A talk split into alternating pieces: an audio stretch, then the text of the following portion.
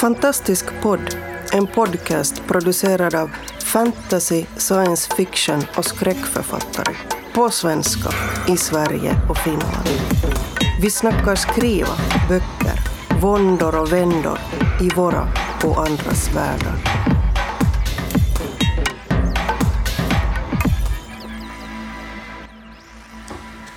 Japp, japp. Fantastisk podd här med Grupp Finland. Vi är i och för sig lite desarmerade eftersom Maria Turchaninov inte är med för hon är väldigt hes eller hur det nu var. Eh, Jag är då Mia Franco, med mig har jag Hannele Mikaela Taivas, hej. Jennevik, hej. och det vi ska tala om är vad är det som luktar? Alltså sinnen. Det är nog jag med det, för att jag sprang just från tåg. Eller jaha, det var inte det, det var liksom... Jag flyttar just närmare dig, jag känner ingenting. Men jag är förkyld. Okej, men Mia, Mia fortsätter. Förlåt, jag avbryter. Och, och, och orsaken att vi då funderar på vad som luktar, förutom Mikaela då, eh, så är ju att, att världen rätt långt utgår från att vi ser saker. Eh, men, men det där eh, då tanken om att berättelser blir mer fysiska av att vi använder andra sinnen. Så folks, hur luktar det i era texter? Ja, det, det, det luktar bra. Alltså, äh, lukt, lukt är ju intressant äh, och, eh, och vällukter var också dofter. Äh, men, men vad heter det, och jag använder, använder nog luktsinne. Men, men det måste man ju säga som du var redan inne på att, att nu är det ju det visuella som på något sätt äh, överlag när man läser som, som mö, möter en och därför, därför är det kanske äh, för en själv också tycker jag är intressant att laborera med olika, Ja. olika dofter och, och andra sinnen än, än just syn, sinne. Jag börjar tänka att jag tror att jag plockar fram lukt när det är någonting som är liksom som sticker ut, alltså sådär det är exceptionellt, vad ska vi säga, att det är någon väldoft eller sen något illa. Sen då kommer man på det. Men nu tror jag nog att jag skriver också om, om också helt så här lukt i det normala. Men nu är det ju det där visuella förstås som dominerar. Nu kom jag på just att när jag skrev en scen här nyligen så, så började jag faktiskt med, när först var det ljud och sen var det luktsinnet. Att en person hamnar på en helt ny plats. Och då kände den där personen dofterna först. Inte vet jag varför det liksom kom, det kom sådär naturligt på något vis. För, först så. Mm, var, det, Ja. var det då en människa som, som äh, hade slutna ögon eller vakna eller, Nej, det- eller var det bara, annars? Nej, det, var, det var en sån här barnhistoria där en rymdvarelse kommer till en skog. Och det första den här lilla rymd, det var en liten en barnrymdvarelse. Men det var ganska Ja. spännande, alltså, just om du tar att det någon går på annat än, än vanliga typer så, så kan ju saker som, som för oss kanske doftar gott, så kan ju då skogen lukta Ja. skit. Mm. Eller tvärtom Ja. förstås. Ja. För, äh, eller, no, äh, jag använder hemskt mycket luktsinne också, till exempel svulten förstås för att den, den vampyr som är så extra sensitiv vad det gäller alla, alla sinnen. Och då, då äh, kan man använda också som, som på något sätt äh, ett, en erotisk doft för, äh, för den typen av karaktär kan också, och i språket så kan det bli också en, en sinnlig, eh, i en erotisk bemärkelse, upplevelse, att man, att man känner lukten av förruttnelse och, och framförallt förstås då eh, doften av blod eh, och, och, och vad heter det, och hur man nu, hur man nu beskriver blod, om det är ungt eh, eller, eller gammalt. Gourmet Men också just, just liksom det där med förruttnelse Ja. och, och vad heter det, Eh, och att, ja, eh, eh, till exempel menstruationsblod kanske luktar på ett annat, annat sätt än blod som pulserar inne i dina ådror. Den kommer, saken, de sakerna kan man tänka på när man skriver. jag kommer tänka på att det här används det som just för att göra det här främmande. Alltså att, att eh, det är någon som känner de här samma dofterna som vi känner men upplever dem på ett, På ett annat, annat sätt. sätt, ja. Och då kan man få fram det där främmande skapet genom att Ja, och sen, betona det. sen handlar det väl rätt mycket om att, att man vill på något vis att överraska. Och, och då blir det ju Ja. mycket mer effektfullt om du har liksom eh, det väldoftande förruttnelsen som du då sa Mikaela eh, som exempel för att man inte förväntar sig att, att förruttnelse ska vara ljuvt. Mm. Ja, visst. Åtminstone i det där lilla stycket som jag skrev om den här lilla babyrymdvarelsen, det låter så gulligt. Så var det just för att eh, hon märkte att, att det inte var på samma sätt som hemma. Att här luktade det helt annorlunda. Och sen var det ju också, en, det fanns faktiskt en tanke där bakom eftersom det var till ett sådant projekt där, där man ska diskutera sinnen just också i det, i det sammanhanget. Så, så det här eh, var det ett sätt att få fram olika ord som beskriver dofter. Och sen kom det också förstås då också ljud och syner efteråt men att, men att det här det var liksom en del också, det fanns en pedagogisk tanke alltså bakom just den där Mm. scenen.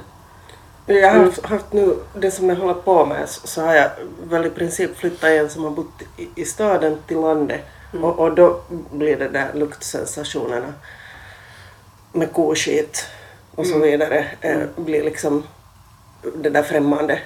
Även om det ju för många kanske är bekant men, men för den här stadspersonen så blir det de där lukterna konstiga. Och ljuden. Mm. Det vill säga, hon, för att då övergå till ett annat sinne, hon Ja. flyttar alltså från eh, en ganska tyst stadsdel eh, till landet där det plötsligt finns en massa ljud. Eh, för att det liksom ropas och skriks och ges order och, och korna råmar och hundarna skäller och Fåglarna skriker. ja, fåglarna skriker och det, det liksom, man får aldrig en lugn stund för det är alltid en massa oljud. Ah. Så, och, och, för jag kan säga att, att det hör då också till så här, min tanke rätt långt. Att just fara från staden till landet så kommer du från det där tysta Mm. som folk då menar ofta är bullrigt. Ja. Men sen när du kommer till landet så tycker du att, att, att det är massa Ja. oljud. Och det är ju alltså det paradoxala i det är ju eh, för att där finns den här tystnaden. Det finns den här tystnaden i bakgrunden som gör att de ljud som finns så, äh, blir påtagliga, påtagliga och du kan höra dem. Medan du i en stad inte kan kanske urskilja utan du har den här jämna, jämna mattan av en annan sorts tystnad som är tystnad av ljud. Ja. Jag tänker också ganska ofta på, på det här på känslosinnet, alltså både kyla och värme och, och så här liksom obekväma, obekväma byxor och skaver, och det skaver och det, det, jag, jag tror att det är nog nästan den, förutom det där visuella tror jag som oftare kommer liksom fram för mig. Och sen det här liksom hur luften känns i näsan och Ja. inte bara liksom doften men också att om, det, om näshåren fryser eller om det, ja, vad det liksom orsakar för känslor i kroppen. Ja, Ja. jag tänker mig väl också långt att, att det där på något vis, jag tänker så här, det- om nu någon av oss skulle skriva om tidsresor så handlar det ju rätt mycket om att du byter också kläder för att Ja. olika tider kräver andra. Och, och då börjar de ju verkligen skava Ja. när du kommer från, från det där en viss tid i dina mjukisbyxor. Till korsett. Till korsetten, ja. Och jag menar, uh, då snöra in sig i det. Det Ja. där var spännande.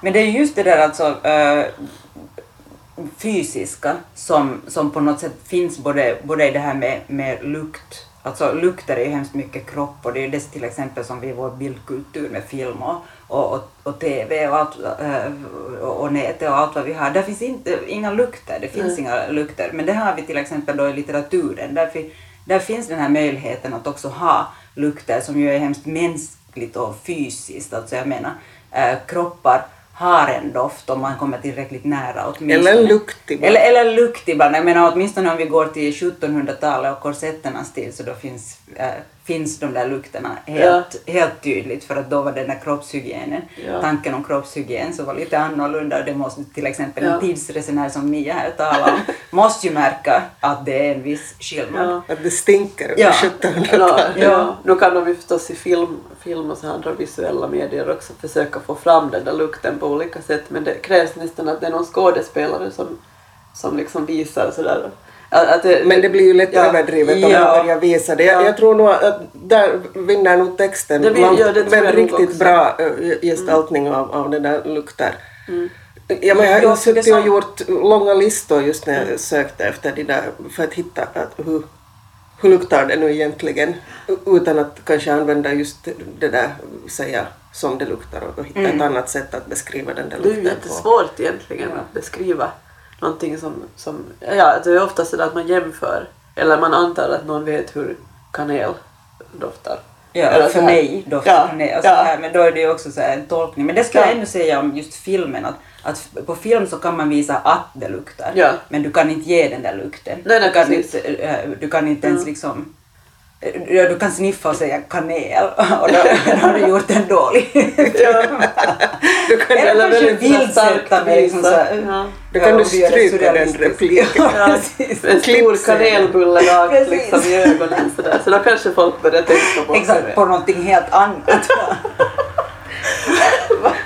Om man sen tycker att kanel luktar illa så blir det Ja, jättekonstigt.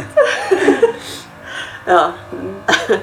ja, men det är helt klart att det, när det ordet finns så då, ja, liksom när man kommunicerar med orden så då det, går det på ett annat sätt att, att få den här Ja. läsaren att, att uppleva än, än det här i de här visuella medierna. Just när jag har haft den här, jag har haft en sån här serieteckningskurs på, på våren och då hade vi där vid ett skede också en sån här jag minns inte om det var någon uppgift eller om vi diskuterade jag försökte få fram det där att hur skulle ni, hur skulle ni få fram då till exempel också dofter i den där serien. Mm. men att ni får inte skriva ut att nu luktar det eller så här. Och då hade de då skulle de beskriva så här morgonbestyr. Så då var det ju nog flera som fick fram just det här med doftande kaffe. Det finns ju liksom doftstreck i, i serier och så här och så här svettpärlor och sånt här. Så, alltså sådana här symboler som vi kan känna igen. Men det är igen lite sådär att det är ju en, ett sorts språk också att, att man kan liksom få fram lukten på det sättet. Det där skulle jag gärna ha haft alltså då när jag någon gång som ganska grön lärare skulle undervisa eh, på, på den där litteraturvetenskap och så var det en person som var blind. Ja, ja. Att- hur, hur gör man det visuella utan eh, för- för väldigt mycket av, av det där det man ska beskriva just också när man talar text så handlar ju också om att, att tala om det visuella, det vill säga använda bilder konkret och sådär. Och, och hur gör man det då när man inser att man har en person där som inte ser? Och, och, och jag hade alltid en känsla att jag tog en jättelång omväg kring synsinne och, och blev då otroligt medveten om, om faktiskt hur, hur språket så mycket bollar med, med det där eh, just synsinne. Ja, på något sätt tänker jag ju att synsinnet är hemskt mycket kopplat på något vis till att förstå och lära sig och, och liksom Alltså hur ska man säga, det liksom blir sådär idéer som man får genom synsinnet som aldrig behöver aldrig behöver ett ord till sig för att man förstår vad som händer. Men sen direkt när det är borta så då, så då krävs, då, då behövs de där orden sen på ett helt annat sätt. Att man, hur, hur menar du nu? Nå, seende brukar ganska ofta också kopplas till att förstå. Alltså, I see säger man ju på engelska. Att, att jag förstår och jag ser och, och man, kan, man liksom vill se bevis och sånt här. Och Det, det, är liksom, det. det är liksom lite sådär mera av, av, frånkopplat från det där fysiska, eller vad ska man säga så. Och, då, och ord är ju också ganska abstrakta, också Mm. liksom frånkopplade från det fysiska. Så, så det här, då måste man ju ersätta då liksom det här förståendet genom bilder med någonting som, är, som kan också vara abstrakt och kan förmedla kunskap. Och det, alltså det blir, jag vet inte, ännu det där att det visuella har liksom varit, varit på det stället liksom ganska abstrakt för oss också. Ja. Att det är liksom inte lika sådär fysiskt, tycker jag också, om man Ja. tänker att man vill få kroppen med, så då försöker man få med de andra sinnena. Exakt, det visuella är kanske just, just som Mm. du säger, det konkreta, det, det liksom... eh, vad använder du för, för, för ord för, för det? det? Det visuella är eh, någon sorts förståelse, eller att man, eh, att man lär sig, man Nej, ser. Ja, man, man, Man- man, vad heter det nu, så här kognitiva förmågor. Just det. Precis. Det, det är liksom, Kognition. ja, Alltså Det att man förstår sin omvärld. så här Ja. förnuftsmässigt Ja. kanske och, och, och, konkret. Och att vi lite liksom- glömmer att det är fysiskt. Precis, medan, medan då det, det emotionella eh, är, är då kanske närmare just Mm. eh, lukt, eh, ja, doft, dofter, lukt, man Smaker. kallar det, smak, smaker och just känslan, beröring, alltså allt Mm. det här liksom som, som, som på något sätt blir just det som vi, som vi talar om när vi säger sinnligt Mm. egentligen. Ja, så tänker jag. Men alltså nu kan Ja. ju förstås synupplevelser också vara sinnliga. Sinnliga förstås, ja. Ja, men jag tänker att det finns lite en sån här, ett sånt här litet sätt att tänka på något vis som, som, Mm. som har kopplat bort det där synsinnet lite från det där. Men, alltså, men sen, man tänker nu bara sådär att hur folk njuter av färger och målningar och andra visuella fenomen så är det ju helt självklart att det är också en sinnlig Ja. upplevelse. Men jag tänker bara att det finns någon slags lite sån här historisk koppling mellan synsinnet och att, att eh, vara bortkopplad från kroppen. Jag vet inte om det does it make any sense. ja. Men det, det jag bara kom att tänka på just med, när det fanns då den här blinda personen som inte har det sättet att lära sig vad som händer eller förstå sin omgivning. Så då kommer liksom den här beskri- ordens beskrivande betydelse. Men jag tänker mig också att om jag skulle göra samma sak idag Mm. så skulle jag nog ha bättre redskap än att plötsligt stå där som ganska grön och vara såhär "Åh, hur ska jag lösa det här Ja. när, när det är någon som garanterat lär sig på annat sätt. Eh, och, och idag så skulle jag väl inse att hej, det kanske är en stor grupp här och, och, och om nu vissa ser bilder och andra inte så, så kan Ja. man kanske tala om den där bilden som, som just genom andra sinnen. Ja, ja. Att hur luktar den här bilden? Ja. hur, hur smakar den? Ja. Och, och Ja, och kanske få någonting, få någonting ut av det också, att man har det där. För att det, eh, det kan ju ge någonting att man tar bort, jag tänker, tänker till exempel att, att man använder en litterär gestalt som, som saknar något sinne och då måste använda, använda andra sinnen eller kompensera. Så det kan, ju, det kan ju ge hemskt mycket och det kan ju eh, ändra perspektiv på samma sätt som man i, i en undervisning kanske kan, kan liksom kan ge resten av gruppen någonting genom att, att inte gå den där vanliga vägen eh, in med våra, våra så här normalsinnen utan, utan kanske liksom försöka accentuera.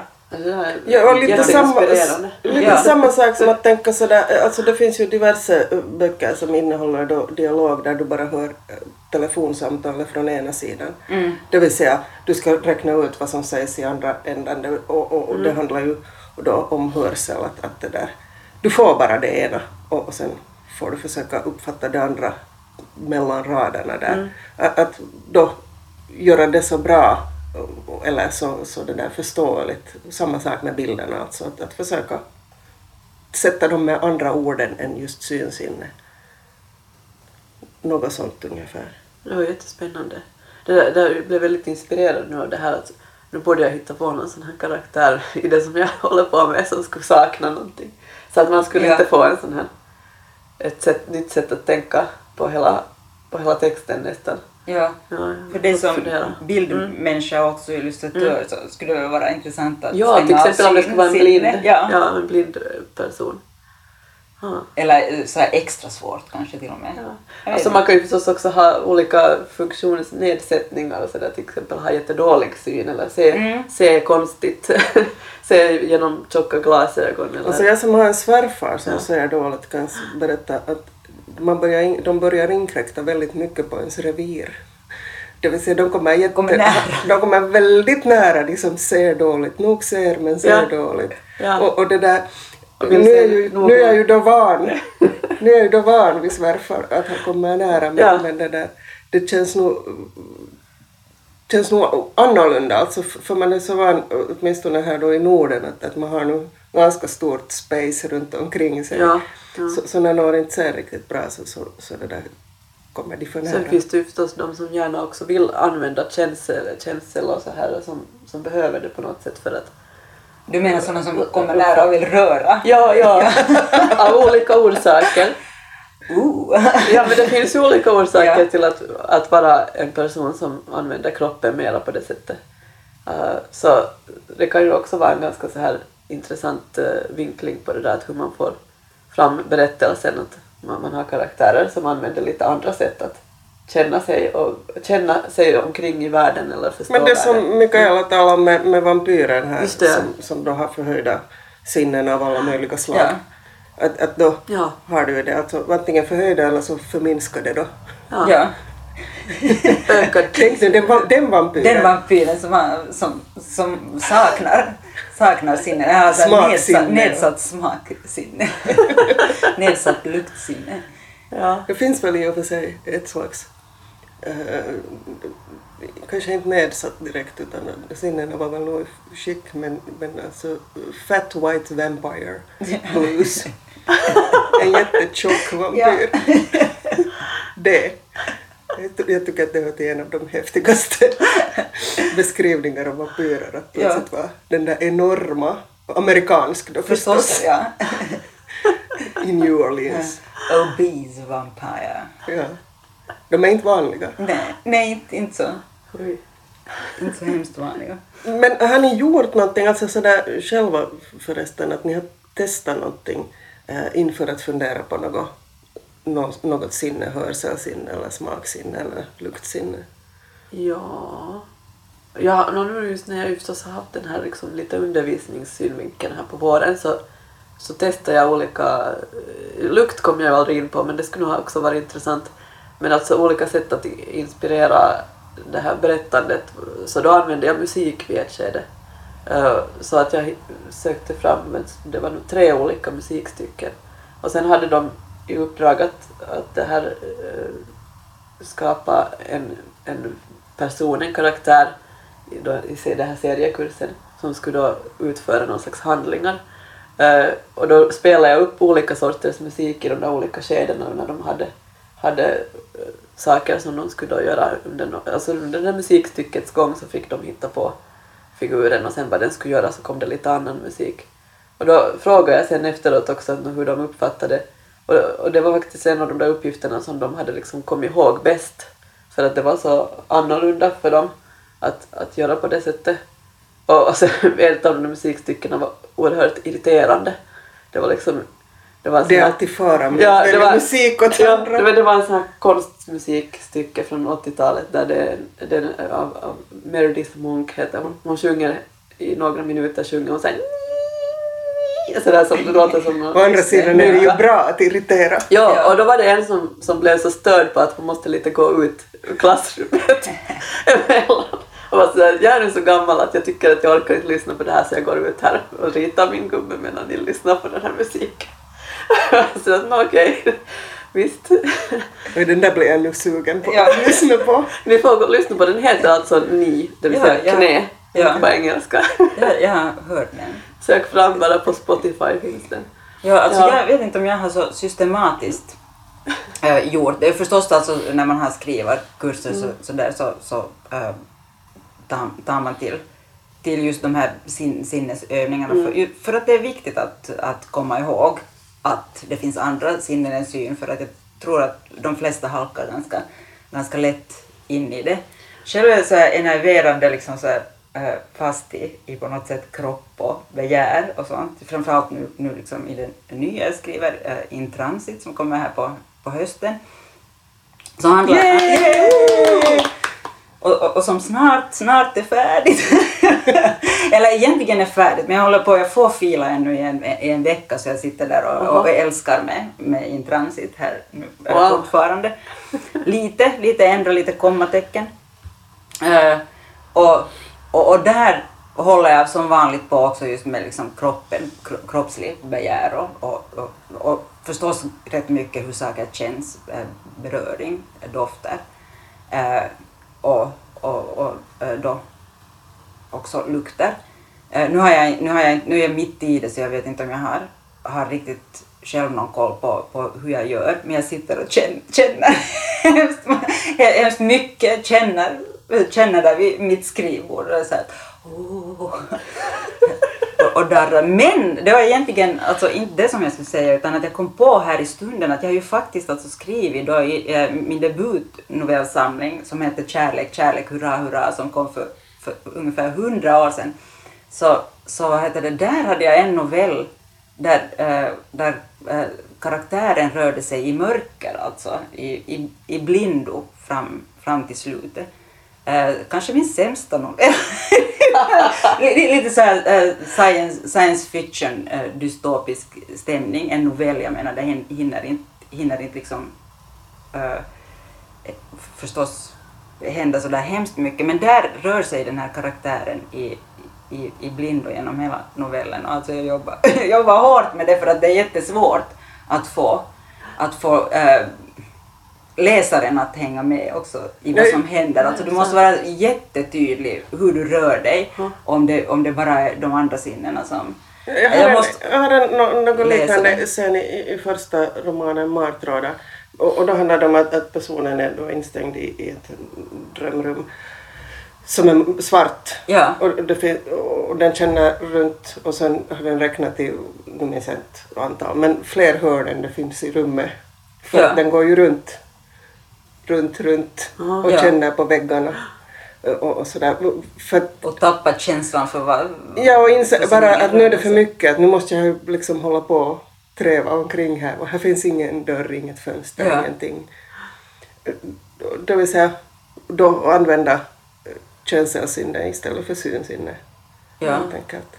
Eh, Men jag hade, alltså på tal om, om just skrivkurser och konstiga skrivövningar så hade jag dem att, att göra nu i år då på min ena skrivkurs att, att se på annat sätt. Just för att, att det är klart att synsinne är viktigt Ja. och, och man behöver se, men, men att, att sätta någon slags filter framför det där. Om du sen tittar genom smutsigt glas eller, eller vad du tittar genom som är i vägen på något vis för att se direkt på. Jag menar vi har ju ofta smutsiga glas.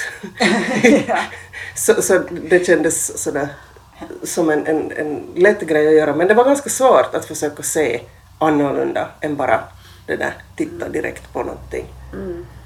Vilket är ju fascinerande att, att vi har svårt att sätta andra ord på seende än bara titta. Om ni förstår Mm. alls vad Ja, jag ja, säger. att, att grumla, grumla blicken. Ja.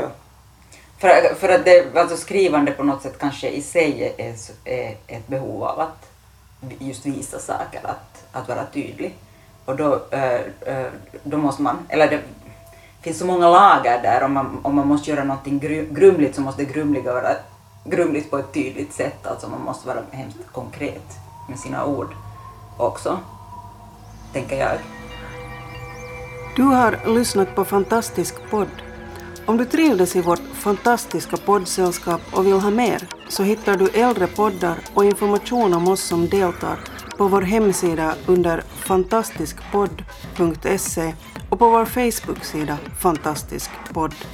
Har du frågor eller förslag på vad du tycker att vi ska tala om, hör gärna av dig antingen på Facebook eller via kommentarer på hemsidan. Vi hörs!